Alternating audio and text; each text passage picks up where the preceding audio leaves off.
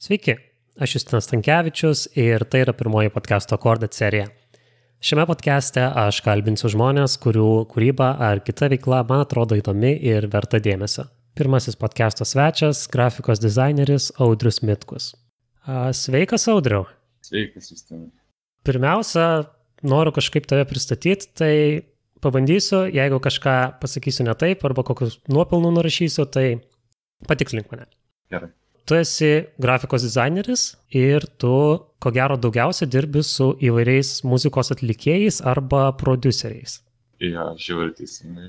Daugiausia tie atlikėjai būna elektroninės muzikos. Nežinau kodėl, bet greičiausiai dėl to, nes pereina vienas per kitą. Vienam, vienas muzikos atlikėjas pasako kitam ir persiduoda.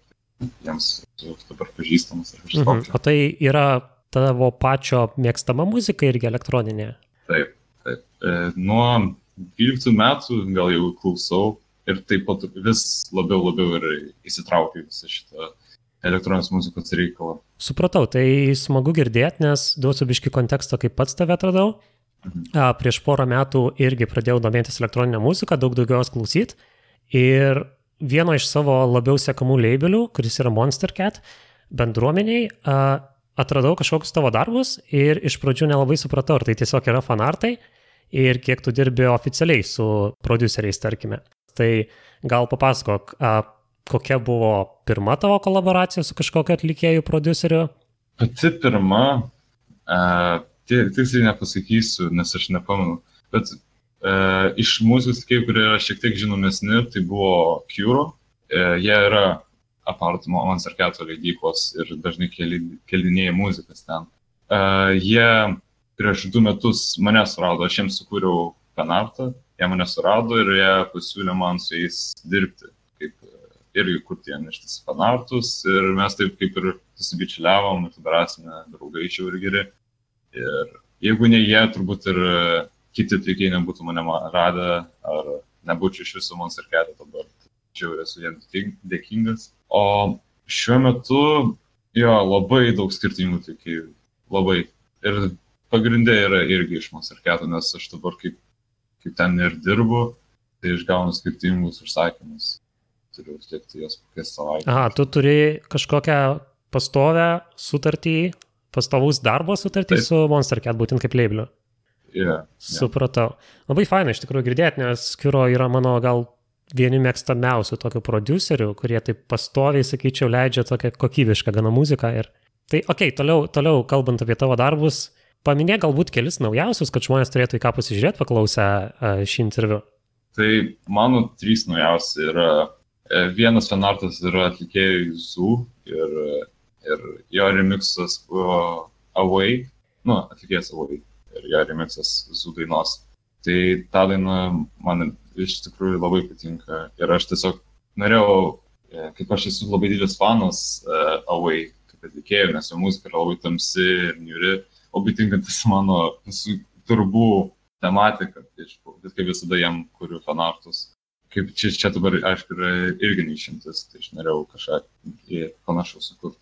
Labai tokios gilios minties neturiu, aš tiesiog mėgstu, kad žmonės supranta kaip savaip savo mano darbus, bet tačiau ir nieko neturiu ką pasakyti apie savo tą pirmą, patį naujausią darbą. Apie sekantį darbą, tai ten esu aš ir ten bandžiau naujus glitchinimo stilius, nes glitch artas yra viena mano mėgstamiausių sričių ir čia yra toks kaip debesų glitchas ir tiesiog man labai patiko ir norėjau išbandyti padaryti. O trečiasis darbas tai yra mano populiariausias darbas kol kas, nes pagal laikus. E, tai yra fanartas atlikėjų Grandson, kuris, manau, yra žiauriai talentingas žmogus. E, kiekviena jo daina yra susiję su politika manau, atskleidžia jisai puikiai kiekvieną temą ir aš labai norėjau kaip ir e, būti toje temoje ir atskleisti ją dar giliau. Žinoma, su daina Best Friends nelabai ką galiu pasakyti, bet manau, kaip aš sakiau, gali kaip visi kaip nori suprasti, ką aš kuriu. Supratau. Ar iš visų tų daugybės darbų, kuriuos tu esi daręs, yra kažkoks, kuris tau labiausiai patiko, arba kuriuo tu labiausiai didžiuojies, arba kurį buvo daryti tiesiog įdomiausia? Man visi Curo kolaboracijos, visos kolaboracijos su Curo įdomiausias yra. Visi teaseriai, kuriuos jiems darau ir artworkas, kuris yra man sarkėtė daudžiai pavadinimu. yra įdomiausi, nes jie nėra taip kaip daug skiriasi nuo mano, jie net žiauriai nesiskiria nuo mano veik stiliaus, bet ir tuo pačiu atskleidžia kažką naujo, ko aš nežinojau. Ir kas kiekvienu artų jiems aš kaip ir, galima sakyti, tobulėjau, nes aš atrandu kažką naujo ir turiu atrasti kažką naujo. O iš mano kitų darbų mėgstamiausių, tai dažniausiai, e, tai yra, man labiausiai patinka, čia turbūt bus nuotrauka kažkur, tai vadinasi manipuliatorius. Ir šitą tam man labiausiai patinka kurti kažką su akim, nes akis, manau, yra geriausias, gražiausias dalykas žmogaus kūne ir paslaptingiausias, tai aš labai mėgstu dėti ir manau, kad šitas darbas yra vienas iš geriausių mano. Aišku, labai įdomu girdėti tą, tą akis tokią temą ir iš tikrųjų apie porą dalykų, kuriuos tu paminėjai, tai uh, Curo tie visi darbai, visiems žmonėms, kurie yra jų fanai, yra akivaizdu, kad kuriamas kažkoks kaip loras, kažkokia didesnė istorija, paremta kažkokiam mitologiniam būtybėm ir panašiai. Ar, ar gali kažką, kažką į tą temą pasakyti, kažką daugiau atskleisti? Ja, tai Curo e, yra kaip ir labai miksuota, e, tam sakyti, istorija. Yra yra miksuota ir su egiptiečių mitologija, ir su japonų, ir man rodos dar su arabų, aš nežinau, labai gilinus, jie žino, tai su aš negu aš, bet ką mes visą laiką kalbam kartu, tai kaip mes tą istoriją pratesim, ką mes su ją turim daryti. Mes dar turim daug idėjų, ką norim atskleisti ir taip toliau, bet pagrindinė mintis yra tame, kad Kyro keliauja po tokį mistinį pasaulį ir bando atskleisti, kas su juo yra negerai ir kas vyksta jame. E, buvo sutikę visokiausių ten demonų, aišku, dabartinis demonas yra rankos. Ir pagrindė dabar yra tema, kad jie bando atskleisti pasaulį ir kovoja su, skirtingom būtybėm, kurių dar niekas nėra matęs. Ir nesuprantu, kur yra kiti žmonės, tingi šitam pasauliu, kai visi miestai yra apleisti ir tokie karaptinti. Jo, iš tikrųjų, kai, kai papasakai, žiauriai skamba įdomi ir žiūrėčiau tokį filmą netgi. Tai grįžtant prie tavo darbų stiliaus, Ar tu esi labai prisirišęs prie to, kaip sakai, tokio, tokio tamsaus stiliaus, tokio daug glitcharto, tarkim, ar tu esi yeah. biškiai lankstesnis, ar galėtum sukurti kokį nors, nežinau, kokį nors apipavydalinimą, viršelį, klipą su ten labai linksmą, su emodžiai, su vaivorykštėm ir panašiai. Realiai aš galėčiau, bet ar man tai patiktų kurti, nežinau. Tarkim, čia yra mano kaip komforto zona yra kurti kažką tamsaus ir paslaptingo, e, nes tai kaip ir susijęs su mano asmenybė, bet nelabai galiu tą pasakyti. Bet e, laužti savo komforto zoną ir iš jos išeiti tikrai man patinka. Kurti kažką neįprastų ir man patinka, bet aš tačiau jo, to tokių dalykų niekada nekeliu publikai. Aš tiesiog darau tai kaip e, užsakymams. E, dažniausiai užsakymus darau, kuo skirtingai nuo mano stiliaus, jeigu, aišku, užsakovas to nori. Aš visai nieko prieš, e, prieš skirtingus stilius ir taip toliau. Dar vienas dalykas, apie ką aš norėčiau su tim pašnekėti, tai man, kai, kai paminė tokią profesiją kaip grafikos dizaineris, man dažniausiai asocijuojasi su tokiu gana tipiniu to, tos karjeros keliu, kad tu arba savarankiškai to išmoksti, arba baigi kažkokią, kažkokią specialybę, tarkim, universitete, arba kažkokius kursus ir tu dažniausiai, dažniausiai dirbi tokį gana tipinį darbą, tai yra kažkokiam uh, tarkime, kūrimas įmonėms, logotipų, ten firminio stiliaus ir panašiai, kiek skiriasi, jeigu turi su kuo palyginti, kūrimas kitiems menininkams, tai yra darbas kartu prie kažkokios bendros vizijos, prie kažkokio bendro meno kūrinio, kur muzika ir vaizdas vienas kitą papildo.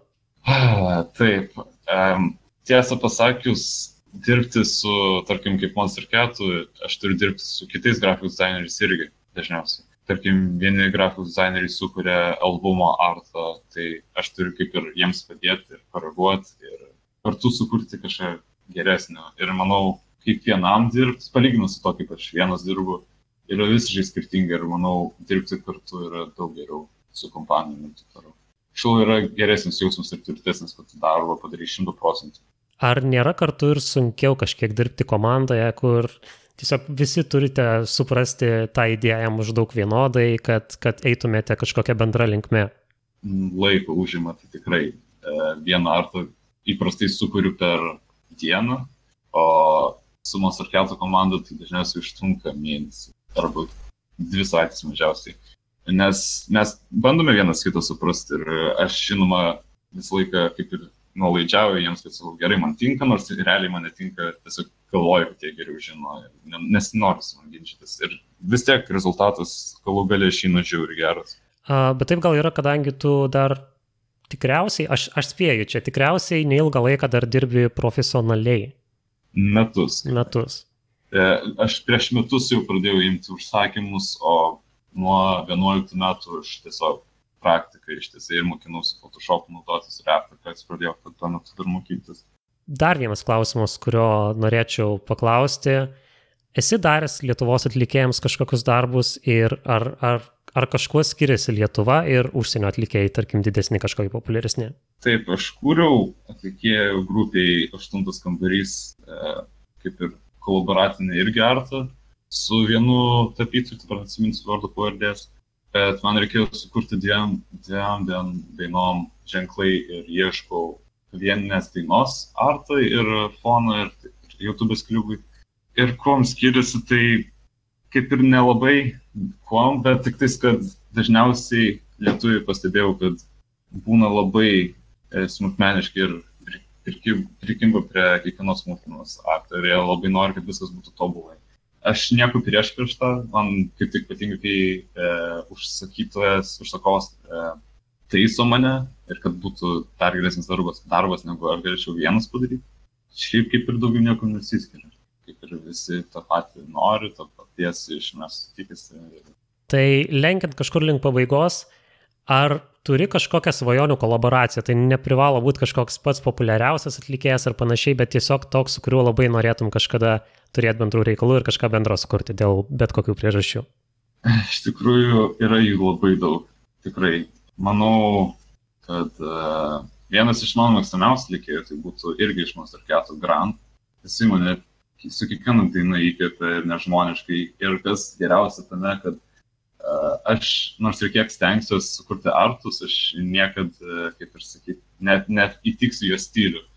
Kažkaip visą laiką būna taip, kai aš sukuriu jam tą artą, atrodo, kad mano artas yra visiškai kitoks negu kaip ką daina nori skleisti. Ir aš tikiuosi, kad vieną dieną man pavyks atskleisti jo temą ir į tą dainą tobulai ir galbūt tas artas taps jo kitos dainos, tarkim, coveriu.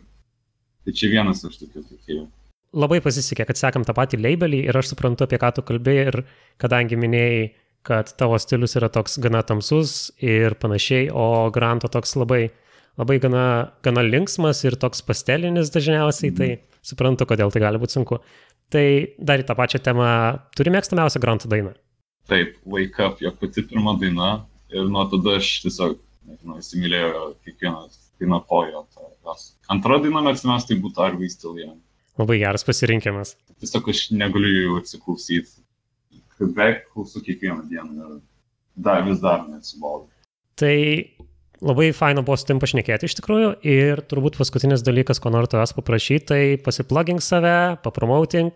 Tai ja, man Instagramas yra Older apatinis viršnelis im ir aš keliu artus kiekvieną savaitę, tai tikrai nedingsiu niekur. Tikrai yra ką pažiūrėti Instagram'e? Taip.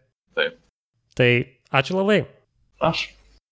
Toks buvo mano pokalbis su Audrium. Nepamirškite jo pasiekti Instagram'e, o mūsų Facebook ir Twitter'e kaip Corded Podcast. Kita podcast'o serija jau labai greit ir pažadu, kad kitas svečias bus nemažiau įdomus. Iki.